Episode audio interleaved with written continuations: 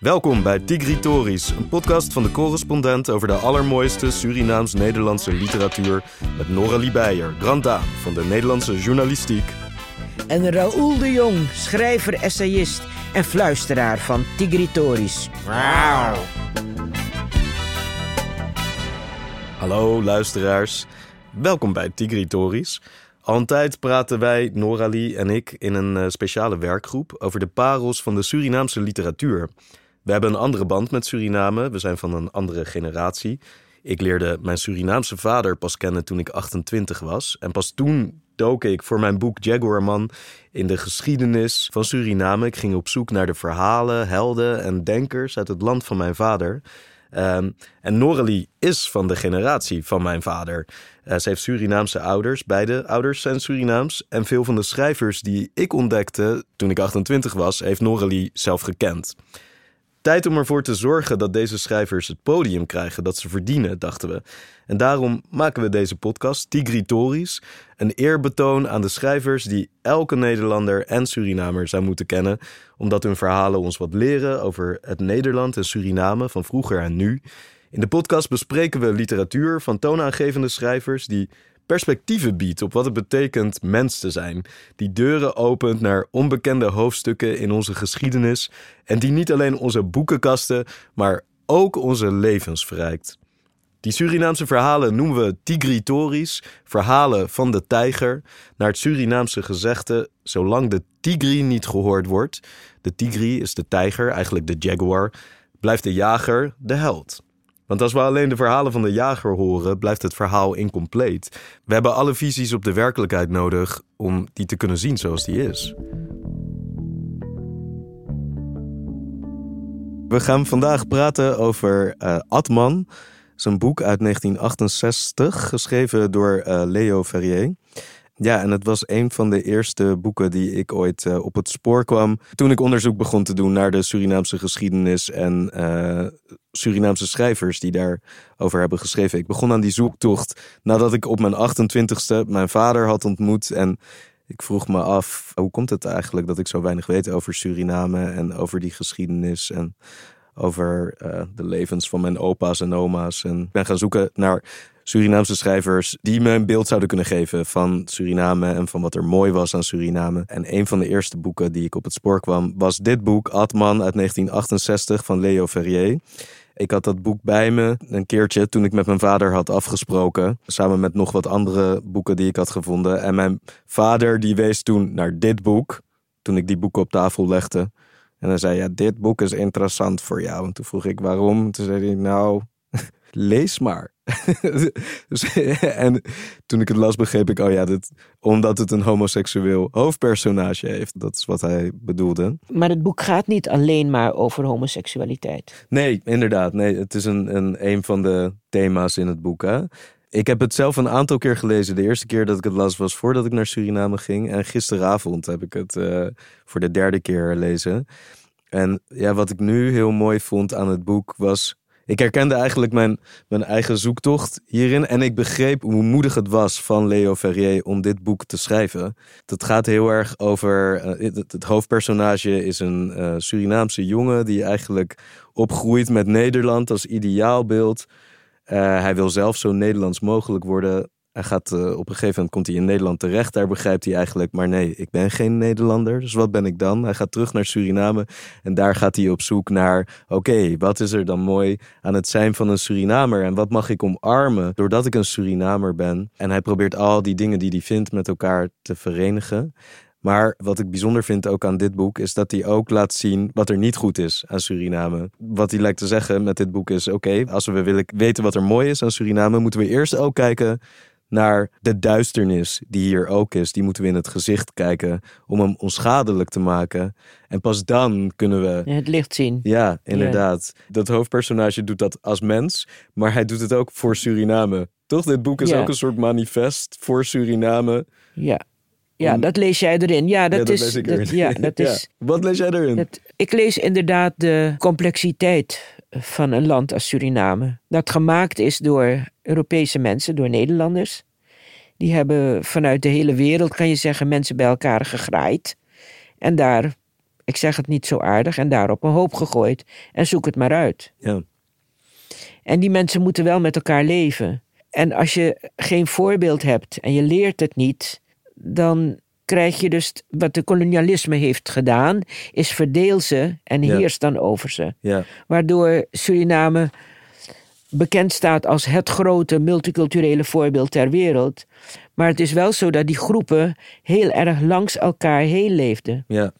Het voordeel is dat er in Suriname nooit echt rassenrellen zijn uitgebroken. Nee. Zoals in buurland Brits-Guyana en zoals in Engeland zelf, waar veel mensen uit de Caraïbische wereld naartoe zijn getrokken. Daar zijn op een gegeven moment rassenrellen ontstaan. Ja.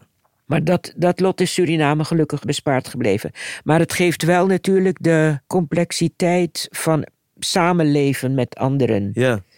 Dat je, je, kunt jezelf opsluiten in je eigen cultuur, Ja. in je eigen gezin als het ware. Ja. Maar je eigen gezin heeft de bakker nodig. En de bakker is van een andere cultuur. Ja. En heeft de slager nodig, is weer van een andere cultuur. Ja. Dus je moet samenleven. Ja. Dat is een worsteling voor Suriname, Ja. die heel lang heeft geduurd. Ja. En misschien nog wel aan de gang is. Maar ik bespeur wel dat, er, dat het langzaam begint af te kalven. Ja. Dat, eh, eh, dat je tegenover elkaar staat. Ja. En ik vind dat Atman, dus Leo Ferrier, dat heel scherp beschrijft. Dat onderlinge racisme eigenlijk Ja. ook een vooroordeel. Omdat hij zelf natuurlijk uit een heel gemengde cultuur komt. Ja. Er zit eh Hindoestaans zit in hem, er zit Afrikaans in hem, er zit Frans, die naam, Ferrier, is een, heeft een Franse afkomst. Want ook wel een onderdeel van de onderdrukking was het aankweken van zelfhaat. Toch? Ja. Dus mensen moesten gaan geloven dat de ander hun vijand was, maar ze moesten ook gaan geloven dat ze zelf lelijk waren. Ja. En dat de Nederlander, alles wat Nederlands of Westers was, dat dat superieur was. En dat dat was wat je na moest streven. En hij probeert een soort antidote daarop te geven ook. Door te zeggen, nee, dat is niet allemaal beter. Het is even goed. Nou, wat wij te bieden hebben is even, even mooi en misschien zelfs mooier. Ja, ik vind dat hij het mooi in kaart brengt. Die, eh, die verschillende mensen die daar bij elkaar zijn en het wel met elkaar moeten gaan vinden. Ja, Ze maken kinderen, dus die kinderen zijn al gemengd. En ja, dus hoe verzoen je dat met elkaar? ja, ja. En dan kom je dus bij jezelf, bij die Atman terecht. Ja, Leo Ferrier was ook een van de eerste eh, Surinaamse schrijvers die echt door een grote, eh, prestigieuze Nederlandse uitgeverij werd Nou. eh, uitgegeven, De Bezige Bij. Ja, Die, er is zo'n bekende foto genomen in de bibliotheek van het Rijksmuseum. Waarop bijna alle grote Nederlandse schrijvers staan. Jan Wolkers, Remco Kampert, Moelisch. Moelisch, ja. En Leo Ferrier. Ferrier is het zo het enige bruine stipje op die, eh, op die eh, poster, op die foto. En ik zit zelf bij de bezige bij. Dus in die zin vind ik het, ik vind het ook interessant. Het is een soort eerste Surinaamse schrijver die een soort kwaliteitsstempel kreeg, ook vanuit Nederland. En toch is dit boek op de een of andere manier niet een hele grote klassieker geworden. En dat vind ik interessant ook. Hoe komt dat? Waardoor, hoe, hoe komt het dat dit boek een beetje vergeten lijkt te zijn? Niet alleen in Suriname, ook in Nederland. Ja, kijk, het is geen makkelijk boek ook, hè? Nee, ja, dat Nee, het is niet makkelijk om het te lezen. Nee, Voordat je het echt, de, de schoonheid ervan, kunt doorgronden. ja. Maar in het begin, ik vond het de eerste keer vond ik het een moeilijk boek. ja wan- wanneer heb jij het voor het eerst gelezen? Nou, ik denk dat ik toch wel ergens in de jaren twintig was, hoor. Ja, maar ja, wat, toch wat ik mooi vind ook aan Leo Ferrier is dat hij heel erg de Surinamer ook een spiegel voorhoudt. Ja. En laat zien, zo zijn wij en dit is er ook niet goed aan ons. En daar moeten we wel naar kijken als we dingen willen veranderen. Dus ik kan me ook voorstellen dat het daar ook mee te maken heeft dat dit boek niet een heel groot succes is geworden. Of ja, in ieder geval niet de, de klassieker is geworden die het wat mij betreft wel zou moeten zijn. Maar goed, daar gaan we over praten. Daar gaan we over praten met onze gasten. ja. En die gasten zijn Anton Foek, bekend eh, zeker voor oudere Surinamers, omdat hij journalist was. En heel veel gereisd heeft en ook daar veel over heeft geschreven. Hij heeft ook eh, op een blauwe maandag bij het NOS-journaal gewerkt. Dus als zodanig was hij toch wel mijn voorganger. En Maurits de Bruin, Ja, Maurits de Bruin eh, is een vriend van mij, collega-schrijver. Hij heeft een boek geschreven, ook mijn Holocaust, en een ander boek, Broer. Ja, en op de een of andere manier, ik heb hem dit boek, Atman, een jaar geleden al gegeven, voordat ik wist dat we deze podcast eh, gingen maken.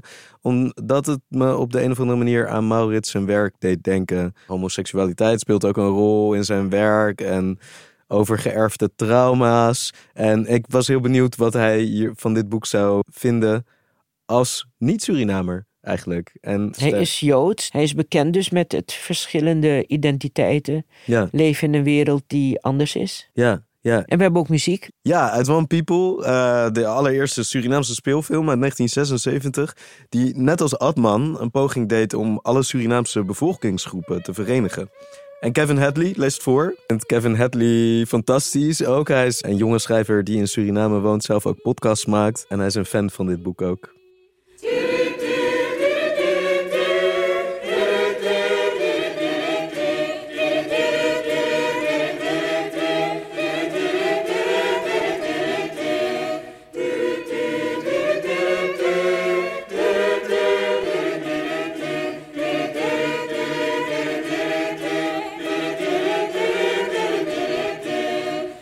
Ken je Atman, dan zul je pas ook werkelijk kunnen delen in de schone harmonie van het leven in Suriname, waar allen één zijn. Echt één. Jaag niet langer naar vergankelijke resultaten en wees niet bang gekwetst te worden. Onwetenden kwetsen onwetenden. Word één met alles in je en je zult een nog hogere vrede kunnen zien die Kasilan al deelachtig geworden is. Zoek in alle mensen de liefde. Je zult die ook vinden, want alle mensen zijn en horen bij dat ene grote dat is. Besef de vergankelijkheid van je lichaam, dat de ene keer zwart is en dan weer licht, je haar dat kroes zijn kan en ook glad kan liggen.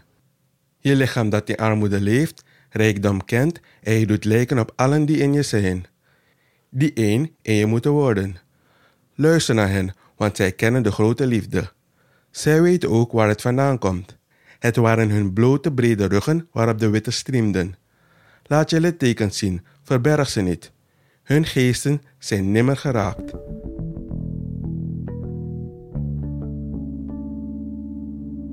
We gaan vandaag dus praten over Adman van Leo Ferrier. Met onder andere Maurits de Bruin, schrijver, goede vriend van mij.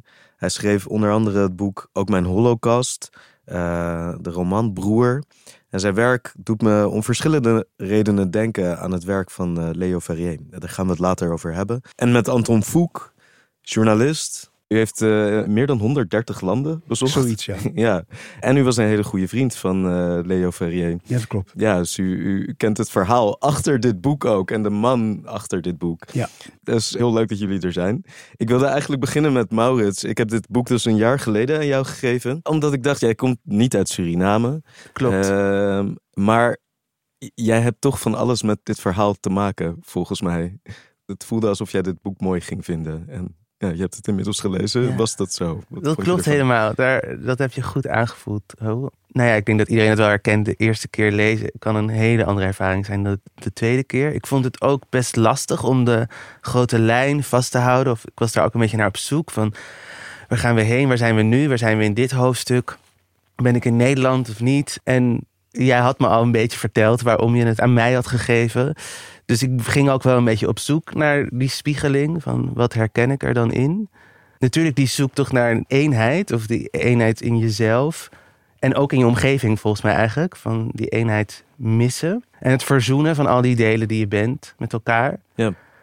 Dat spreekt natuurlijk heel erg uit het boek. Het lag er de tweede keer dat ik het las veel dichter bovenop dus dan die eerste keer. Waar gaat dit boek over? Voor mij dus over ja, zelfliefde, denk ik. Zelfacceptatie. En ook van alle delen van jezelf. Dat allemaal ja, aan één kunnen rijgen als mens. Voor mij ging het daarover. Omdat wij hadden het van tevoren ook over homoseksualiteit. En de rol die dat speelt in het boek. Voor mij ging het boek dus eigenlijk niet daarover. Toen ik het de tweede keer las. Ik dacht zelfs ook, misschien is dat meer een blik van nu op het boek. En ik zag het eigenlijk toen ik het herlas, bijvoorbeeld het homoseksuele aspect of de verhaallijn daarin, de liefde voor Orlando, veel meer als ehm, ik moet leren houden van een deel van mij of me daarmee verzoenen dan ik ga nu van alles vertellen over homoseksualiteit of Ja, ja. over mijn homoseksualiteit of dat is de ontboezeming. Dat was voor mij eigenlijk helemaal niet de ontboezeming toen ik het las. Ja, ik wil even aan Anton vragen. Jij hebt Leo natuurlijk heel goed gekend. Maurits vertelde net waar het boek volgens hem over gaat. Waar gaat het boek volgens jou over? Eh, ik denk dat dit boek over Leo gaat. Ik denk dat die beide hoofdfiguren in het boek Leo zijn. Eén als hij thuis bij zichzelf is. En een ander als hij uit is. En met Als andere Lonio mensen. bedoel je? Ja, Lonio en Orlando? ja? Lonio en Lonio Orlando. Orlando. Dat is Leo. Twee mensen, twee persoonlijkheden. En ik heb die gedachte ontwikkeld omdat, eh, ja, Leo die heeft hoe dan ook een gesplitste persoonlijkheid gehad. En hij heeft geprobeerd dat te verwoorden in dit boek. En die strijd die hij in zichzelf voerde, op papier te zetten en zo te kennen, proberen te geven wie hij was. En daar gaat het boek volgens mij over. Het gaat, wat mij betreft, over Leo. Ja. En de titel, Atman? Atman, zelfbeelden, zelfbeeld, eh, zoals Maurits zegt. eh, zoeken naar jezelf, vrede met jezelf vinden. Vanuit het eh, christelijke geloof, vanuit het hindoeïsme, wat hij een beetje bestudeerd heeft. Want daar komt die term vandaan. Uit daar, komt die, daar komt die term vandaan. En het, het betekent letterlijk vrede met jezelf zoeken. Dat betekent het. En dat, daar was hij naar op zoek. En ja, hij heeft een hevige strijd gevoerd, Leo. Is dit dan een autobiografisch boek? Nou, zover wil ik niet gaan. Nee, ik beschouw het als een roman. Het kan een, een boek zijn dat op de boekenplank ligt. En dat iedereen zou kunnen lezen en zijn eigen conclusie kunnen trekken. En het is absoluut geen kopie van, van Camus. Maar het doet me wel denken aan Camus. Omdat ik, ik ben een bewonderaar van Camus. Maar ik ben ook een bewonderaar van eh Ferrier. En dat heeft mij gegrepen Ja. bij, bij zijn eh, werk. Maar Maurits, deed het jou ook denken aan eh, andere boeken? Was dit sowieso trouwens het eerste boek van een Surinaamse schrijver dat je las? Nee, dat niet. Maar ik vond het wel heel eigen. Nou, ik moest grappig genoeg, dat klinkt een beetje raar, maar ik moest best wel aan mijn eigen debuut denken. Ja, nee, ja. Ehm, omdat daar zit ook dat dromerige, eh, bijna ja, hallucinante in, wat in sommige scènes in dit boek zit en wat er voor mij ook zo kenmerkend maakt. ja. Eigenlijk als lezer word je een beetje gedwongen ook om iets los te laten, om een soort reden los te laten soms. Dat, dat vond ik er echt heel bijzonder aan. En ja, het, het heeft een soort bedwelmende kwaliteit. ja.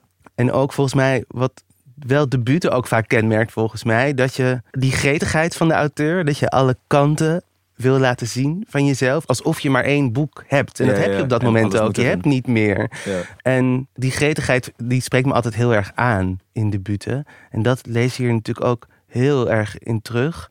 Ik dacht dus soms wel, zeker ook nu ik het herlas, van voor een eh, Nederlander als ik, is het ontzettend begrijpelijk. De sociale verhoudingen, ook wat is waar, hoe worden bepaalde groepen binnen Suriname gekenmerkt. Het wordt ontzettend goed uitgelegd eigenlijk. ja. Dat viel me zo op de tweede keer dat ik het las, dat ik dacht, het lijkt bijna wel alsof het, eh, niet, het is niet voor Nederlanders geschreven, maar ik begrijp heel goed, misschien ook wel heeft dat meegespeeld. Ik ben ook heel benieuwd naar die reden dat de bezige bij dan dit boek toen de tijd Heeft, heeft uitgegeven. Ja. uitgegeven. Want Ja.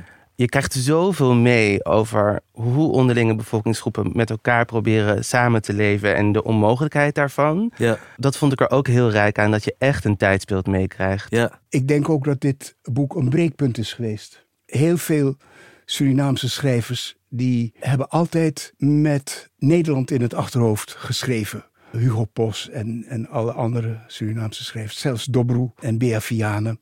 Terwijl Atman, dat breekt daarmee.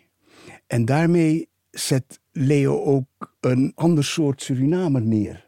Daarmee komt er een Surinamer naar voren, althans dat heeft hij geprobeerd, Ja. die, die zelfstandig kan denken Ja. die dat kolonialisme van zich af wil eh, schudden. Ja. Die op eigen kracht vooruit wil gaan, een eigen toekomst wil bouwen. Zonder die vracht, die, die last Maar dat is van, ook wel heel van erg het verleden. De ontwikkeling die het hoofdpersonage doormaakt. Ja. Toch? Op het begin wil hij Ja. zo Nederlands mogelijk zijn en leest Ja, alleen maar westerse Maar- literatuur. en dan aan het einde zegt hij: Oh nee, we, mo- we mogen onszelf zijn, we moeten onze eigen goden omarmen, mogen trots Maar, zijn. maar daarom denk ik ook dat het meer een boek over Leo zelf is. Er was een incident dat heel belangrijk is geweest voor hem. Zijn oom, de, de vader van Robbie Ferrier, zijn neef, ja. die was ambassadeur in eh, Brussel. En samen gingen ze in die tijd na dat Leo de tweede keer hier was, wel eens naar Brussel met de trein. En ze werden er altijd uitgehaald. Mhm.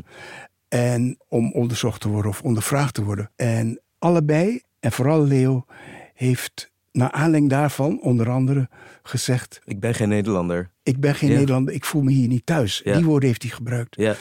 En dat weerspiegelt zich natuurlijk in dit Ja. boek. Ja. Ja. Maar toch, hè, wat jij ook zei, Maurits, hij maakt wel heel erg gebruik van het Nederlandse taalgebruik, van de Nederlandse taal.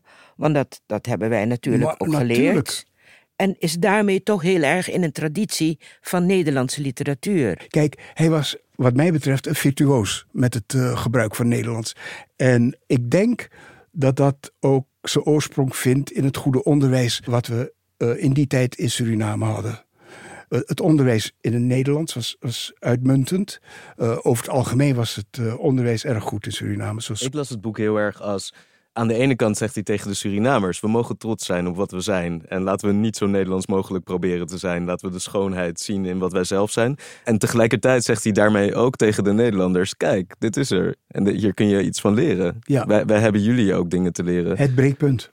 Ja, precies. Ja, ja inderdaad. Ja. Maar dus hij heeft in zijn hoofd denk ik ook gekapt met dat, als ik het zo mag zeggen, het gedoe in Nederland. Zijn militaire dienstplicht die hij hier, hier heeft moeten doen. En ja, het zijn culturele botsingen geweest. Daarom is hij denk ik ook teruggegaan. Hij heeft zich altijd daar redelijk goed gevoeld. Wat denk je dat dit boek eh, teweeg heeft gebracht? In, ik bedoel, we weten dat het hier door de Bezige Bij Ja. is uitgegeven. Ja. Wat denk je, wat weet je ervan hoe dit boek in Suriname is, is ontvangen? In het kader van wat je eerder zei, er wordt niet veel gelezen in Suriname. Ik denk niet dat het veel eh, teweeg heeft gebracht. Suriname en de Surinamers zijn met totaal andere dingen bezig. In de dagelijkse gang van zaken, de politiek, de politieke chaos. Die, die hebben een, een, een schaduw over zijn doelstelling geworpen, waardoor het een beetje is ondergesneeuwd. Bij een groep kenners, een groep liefhebbers, is het als een bom ingeslagen natuurlijk. Had het misschien ook te maken met zijn homoseksualiteit? En dat hij Nou, daar zo open over is je- in het boek? Ik vraag me af of Leo homoseksueel was. Oké, ja. Biseksueel dan? Dat zou, als je, als je per se wilt. Ja. nee, ja, nee, het maakt niet zoveel uit, maar het speelt, het speelt wel een grote rol in het boek zelf ja, natuurlijk. ja, Ja, ja, maar dat is die ambiguïteit die, die, die, in, het, die in zijn persoonlijkheid zat. Maar wat vonden Surinamers daarvan?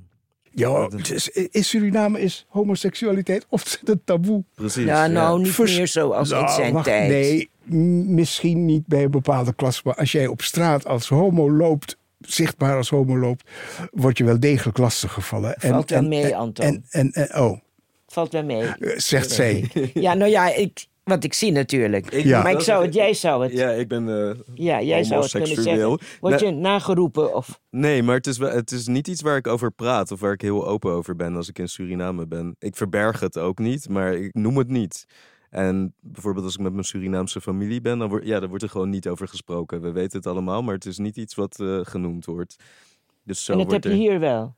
Bij mijn Nederlandse familie, ja. Ja, dat, Ja, maar dan is heb je het weer ding. bij je familie, dus in, in je eigen kring. Maar waar ik wel benieuwd naar ben, als u denkt, en dat kan ik me ook goed indenken, want ik, ik zat ook met die vraag in mijn achterhoofd. Gaat, wat ik ook aan het begin zei, gaat dit überhaupt wel over homoseksualiteit of gaat het meer over die verzoening en zelfliefde? Waarom denkt u dan dat het wel zo'n rol speelt in het boek, als dat niet per se was omdat hij homoseksueel was? Ik denk dat hij dit thema heeft aangegrepen om de tegengesteldheid die in zijn eigen persoonlijkheid was aan te geven. En hij heeft het thema van homoseksualiteit daarbij gebruikt. Maar ik weet dat hij een, een hele gelukkige eh, relatie met zijn vrouw had. Aan het einde is er die scène met die gedetineerde, hè? Die, Ja, die ja. man die ook zegt van, je hebt mij onderdrukt in Je jezelf. hebt mij onderdrukt in jezelf en Ja. je, hoort, je moet mij lief hebben, want dat is een deel van jou. Ja, Dat las ik ook wel een beetje als een sleutel in die vraag van... is die liefde tussen Orlando en Lonio wel inderdaad een liefde tussen twee mannen... of is het een liefde tussen twee delen van dezelfde persoon? ja. Dat Dus, denk en ik. het Ja. antwoord is, een- ja. Misschien kan je iets meer zeggen over de vriendschap die je dus met hem had. Dan wist je dus ook dat hij een, nou, ik zeg het maar met mijn woorden, een gespleten persoonlijkheid had. Nou ja, ik, ik heb dat, eh, tot ik het wist, heb ik dat nooit persoonlijk meegemaakt. Ik bedoel, we Maar hebben hoezo, al- tot je het wist? Dat, tot het bevestigd werd dat hij, dat hij ziek was. Hebt Tot- daarvoor nooit iets nee, meegemaakt. nee, nee. Maar bij hem heeft het toch wel geleid tot je zegt een ziekte. Ja, Hij werd er depressief van. eh, ik, ik vind depressief eh, zelfs te zwak hoor. Dirk heeft met zoveel woorden, en dat neem ik hem kwalijk hoor. zijn broer dus, gezegd: die jongen is gewoon gek. Ja, maar dat zei niet alleen Dirk, dat zeiden dus meerdere mensen. Ja, en dus het gaat verder dan alleen maar depressiviteit. Ja, jeetje, ik, ik zou arts moeten zijn om dat te kunnen bepalen. Was hij werkelijk gek? Hij is, weliswaar opgenomen en hij had die ziekte. Heb je hem wel meegemaakt toen, het dus, toen hij ziek werd? Nee, nooit meer. Dat niet? Nee. Weet je misschien wel hoe en wanneer en waarom Ja. die omslag is gekomen? Ja, die omslag kwam na 71. En het manifesteerde zich in het begin met tikken, tics, vertrokkenheid van je gezichtsspieren. En het heeft zich later uitgesponnen tot eh, gillen en schreeuwen op straat. Vreemde mensen uitschelden. En de mensen in Suriname begrepen dat niet. En die lachten hem zelfs uit daarom. Hmm. En wezen hem na. Daar kwam een heel groot schaamtegevoel over hem heen. En, en ik heb het dan over, over mensen die beter hadden kunnen weten. Hmm. Weet je, mensen die, die dat niet hoefden te doen om zichzelf te kunnen manifesteren, om zichzelf kenbaar te maken. En daar heeft hij erg onder geleden. Wat verschrikkelijk. Want zo, dat, dit is ook het eerste wat ik over hem hoorde van mensen die hem hebben gekend. Oh ja, een beetje gek. Een beetje een gekkie. Ja, Zo, en wat, wat verschrikkelijk ja. is dat. Dit, dit was helemaal, wat mij betreft, geen gekke man. Het was een held. Hij heeft iets heel groots Ja. gedaan. Dit boek is prachtig. Ik, ik heb vaak gehoord, ik heb het niet kunnen verifiëren omdat ik die kennis niet heb, maar dat genialiteit heel dicht bij eh, gekte aan ligt. Hm. Het is maar een stofje, wordt wel eens gezegd. Ja, het komt ook vaak voor natuurlijk. hè, Als je bij mensen, bij hele creatieve mensen. Ja, ja, Ja. ja. Maar hij zegt zelf wel in dit boek ook... als bepaalde dingen er niet mogen zijn... dan zorgt het voor verrotting, voor gekte, voor agressiviteit. ja.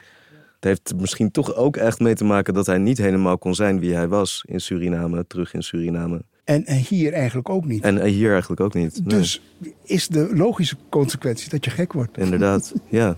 ja. Vandaar.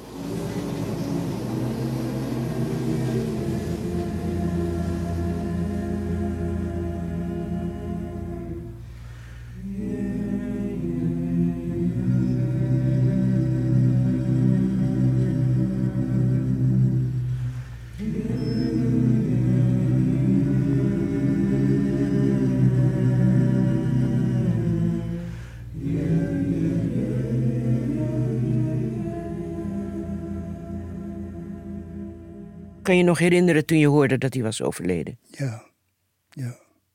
Hoorde ik van eh, Michiel van Kempen. De hoogleraar Nederlands-Caribische letterkunde, hè? Je had een stukje, vertelde je, dat je heel mooi vond. Dat Michiel over hem had gezegd of Ja. geschreven. Ja. Zou je dat willen lezen voor ons? ja, dat wil ik al voorlezen. Het zal een jaar of zeven geleden zijn geweest dat de telefoon ging en een stem doorkwam met die typische tijdsinterval van een volledige seconde waarop een gesprek van de andere kant van de oceaan doorkomt. Het was Leo Ferrier. Hij vertelde dat het goed met hem ging en dat hij weer aan het schrijven was. En of hij me even mocht storen. Mocht hij me wat toesturen ter beoordeling en hoe zou ik dat kunnen weigeren? Leo had enkele van de mooiste bladzijden uit de moderne Surinaamse literatuur geschreven. En daarna was het jaren weer stil geworden. Maar je hoopte altijd nog dat de enorme creatieve kracht sluimerend was gebleven en in betere tijden tot nieuwe prachtboeken zou kunnen leiden en dat, wie weet, weer op hetzelfde niveau zou komen als Atman. Met dat verbijsterende boek uit 1968 had Leo Ferrier in één klap het Surinaamse proza de moderniteit ingesleurd. Hoe goed en met hoeveel toewijding sommigen voor hem ook hadden geschreven, ze zaten toch met huid en haar vast aan de koloniale geschiedenis. Leo zette een andere Suriname neer. Zo eentje die zelfbewust is, brutaal, toekomstgericht, maar tegelijkertijd ook vol van twijfels. En die ambiguïteit die elk mens kent die geboren is op het kruispunt van culturen en een breekpunt van de tijd. En nu na het verbijsterende bericht dat hij er niet meer is. Ik word emotioneel. De bladzijde van Atman herlees. Valt me het nerveuze ritme. Ach nee, dit kunnen we niet doen, jongen. Lees jij het maar voor. Nu ik na het verbijsterende bericht dat hij er niet meer is. De bladzijden van Admen herlees, valt me het nerveuze ritme van zijn zinnen op. Die vele korte, soms bijna staccato-frasen, die dan weer worden afgewisseld met langere, rustige zinnen vol met prachtige beelden. Ik geloof dat ik niet eerder gezien heb hoe die combinatie van staccato en adagio stilistisch de zuiverste uitdrukking was van een tijd waarin de slagader van de verwachting klopte in een genetisch complex lichaam dat nog niet exact wist welke richting te kiezen. Met Admen schreef Leo Ferrier een absoluut boek. Hij was een absoluut kunstenaar die geen genoegen nam met de gulden middenweg en iemand die zo absoluut leeft voor wat hij doet kan ook door zijn eigen kunst worden opgevreten. Zie je, jij kan het veel beter dan En dat je daar toch nog zo geëmotioneerd van kunt raken. Krankzinnige, terwijl ik zo geoefend heb. ja. Dus misschien toch wel een beetje iets veranderd. Of er is in ieder geval meer de laatste tijd meer aandacht voor, voor Surinaamse literatuur. En voor schrijvers zoals uh, Leo Ferrier. Deze podcast is al een bewijs. Maar ook het boek gaat uh, opnieuw uitgegeven worden. Ja, en misschien is dat nog goede vraag. waarom denken jullie dat het uh, een goed idee is om dit boek te lezen voor iedereen, ook nu nog? Nee, ik denk, ik vind het heel mooi geformuleerd in wat, uh, wat u net voorlas. Dat een genetisch complex lichaam. Hmm. Uh, daar zijn er natuurlijk heel veel van, eigenlijk steeds meer natuurlijk, ook in Nederland natuurlijk helemaal niet alleen mensen met een Surinaamse achtergrond, maar ik herken dat ook. En ik denk dat de wereld daar eigenlijk steeds meer naartoe beweegt. Dus die vragen over hoe verenig je dat allemaal en hoe moet je leven als je jezelf niet helemaal terugziet in je omgeving.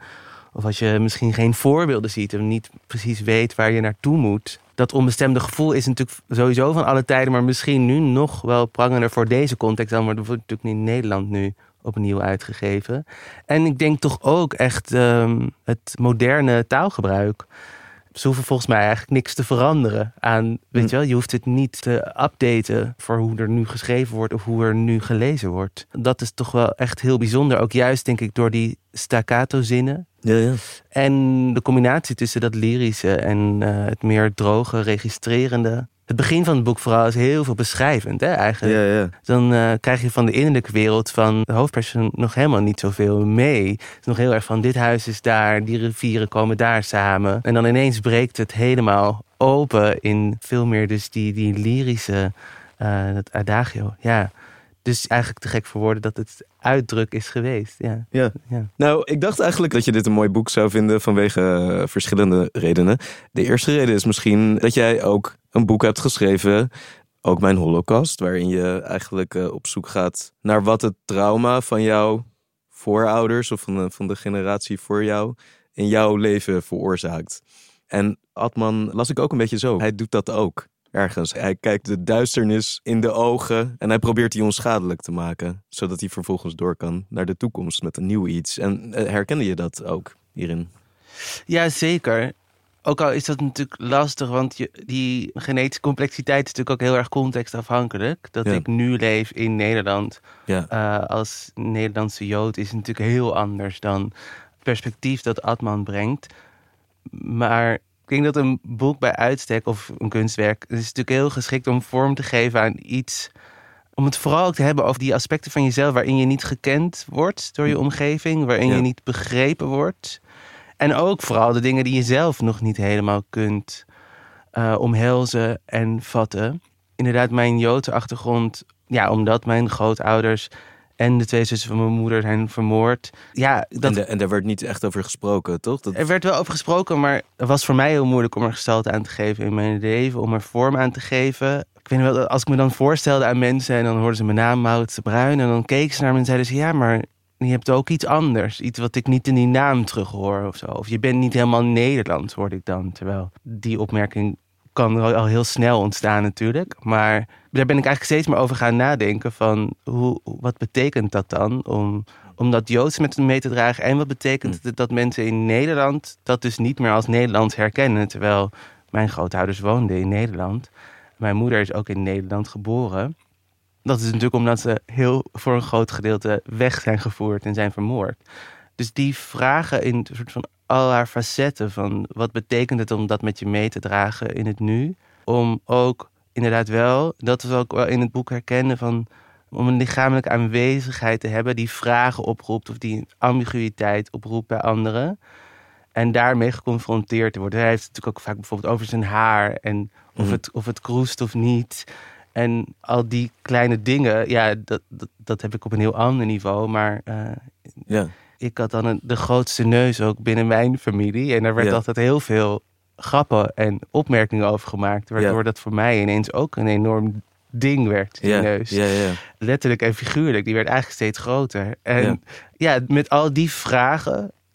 En ook, wat natuurlijk in dit boek ook gebeurt, inderdaad. In homoseksualiteit zit dat ook. Mhm. Er zit ook natuurlijk een identiteit die vaak bevraagd wordt. Of verklaard moet worden. Of ja. En, toegelicht. en die misschien ook niet per se geassocieerd wordt met iets moois. Of iets leuks. Ja, dat is waar. Ik denk dat dat voor jou misschien nog een grotere zoektocht was. Om licht, letterlijk bijna licht te brengen in je boek, in Jaguar Man. Ja. En dat is ook heel goed gelukt, vind ik. Maar eh, eh, Anton, dan zou ik Ja. toch wel van je willen weten. Eh, Zou je dit boek aanraden aan een lezer at random? Ja, dat zou ik doen. En, wat zou je hem- zeggen? Ja, omdat het een breekpunt is, dit boek. Niet alleen voor Suriname, maar ook voor Nederland. Het, het werkt aan twee kanten. Dit boek brengt Suriname verder Nederland binnen. We hebben natuurlijk boeken gehad van Albert Helman en al die andere Surinaamse schrijvers. Die zijn Nederland niet binnengekomen, die waren Nederland al binnen. En dit boek, die doet de deur open, daarom. En ik zou verder willen gaan. Ik zou dit boek willen laten vertalen ja. in het Engels. Om die Caribische schrijvers in, in Engeland bijvoorbeeld te laten zien Ja. Dat Suriname meer is. Dat Suriname Nederland meer kan zijn. Dat het ook voor hun een voorbeeld kan zijn. Misschien zelfs voor, eh, voor, voor de Amerikaanse markt. Hoewel, dat is weer een, een heel ander hoofdstuk. Ja. Maar ik zou het best in het Engels durven vertalen. Om denk- Suriname ja. Europa binnen te brengen. Ja, ik denk ook dat er heel veel overeenkomsten zijn natuurlijk met... eh, Guadeloupe, met- Martinique. ja, eh, Maar de Surinaamse mens is een Caraïbische mens. En die is ooit ergens vandaan gehaald Ja. om daar te settelen. Dus ik denk dat dat, dat wel het, het, het boek laat uitstijgen boven eh, Suriname, boven Nederland. Maar natuurlijk, maar natuurlijk. Ik zou het ook naar Frankrijk willen brengen. Ja, maar die hebben eigenlijk dus, ja, dezelfde... Suriname grenst aan Frans-Guyana. Frans-Guyana is een province d'outre-mer. Is een stukje Europa. Wij grenzen aan Europa, als je het zo plastisch wilt zeggen. Dat verdient meer aandacht, vind ik. Voilà. Voilà. Voilà, ik heb veel van jullie gehoord. Ja, het was echt heel Ja, mooi. ja. Ja. Nou, ik vond het heel erg fijn om naar jullie te luisteren. En wat we allemaal besproken hebben. Dus heel hartelijk dank. Ja, bedankt. Jullie ook? Bedankt voor het luisteren naar Tigritories. Dit was een podcast van De Correspondent. Regie en productie Jacco Prantel. Projectmanagement Edivania Lopez Duarte. Onderzoek Vera Mulder. Eindredactie Jelena Barisic en Anna Vossers. Coördinatie en redactie Maaike Goslinga. Vormgeving Luca van Diepen.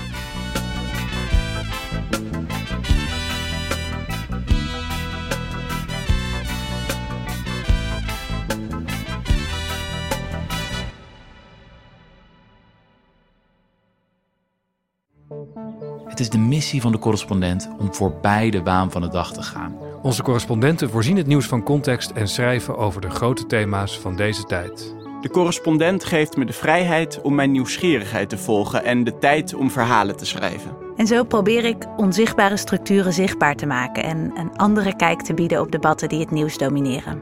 Dan gaat het minder over het spelletje en veel meer over wat er op het spel staat. Vanaf dag 1 zijn onze artikelen, boeken en podcasts gefinancierd door onze leden. Volg ons op onze journalistieke zoektocht. Overweeg eens lid te worden van de correspondent. En maak daarmee samen met ruim 70.000 anderen onze onafhankelijke journalistiek mogelijk. Dus word lid van de correspondent. Ja. Word lid. Word lid.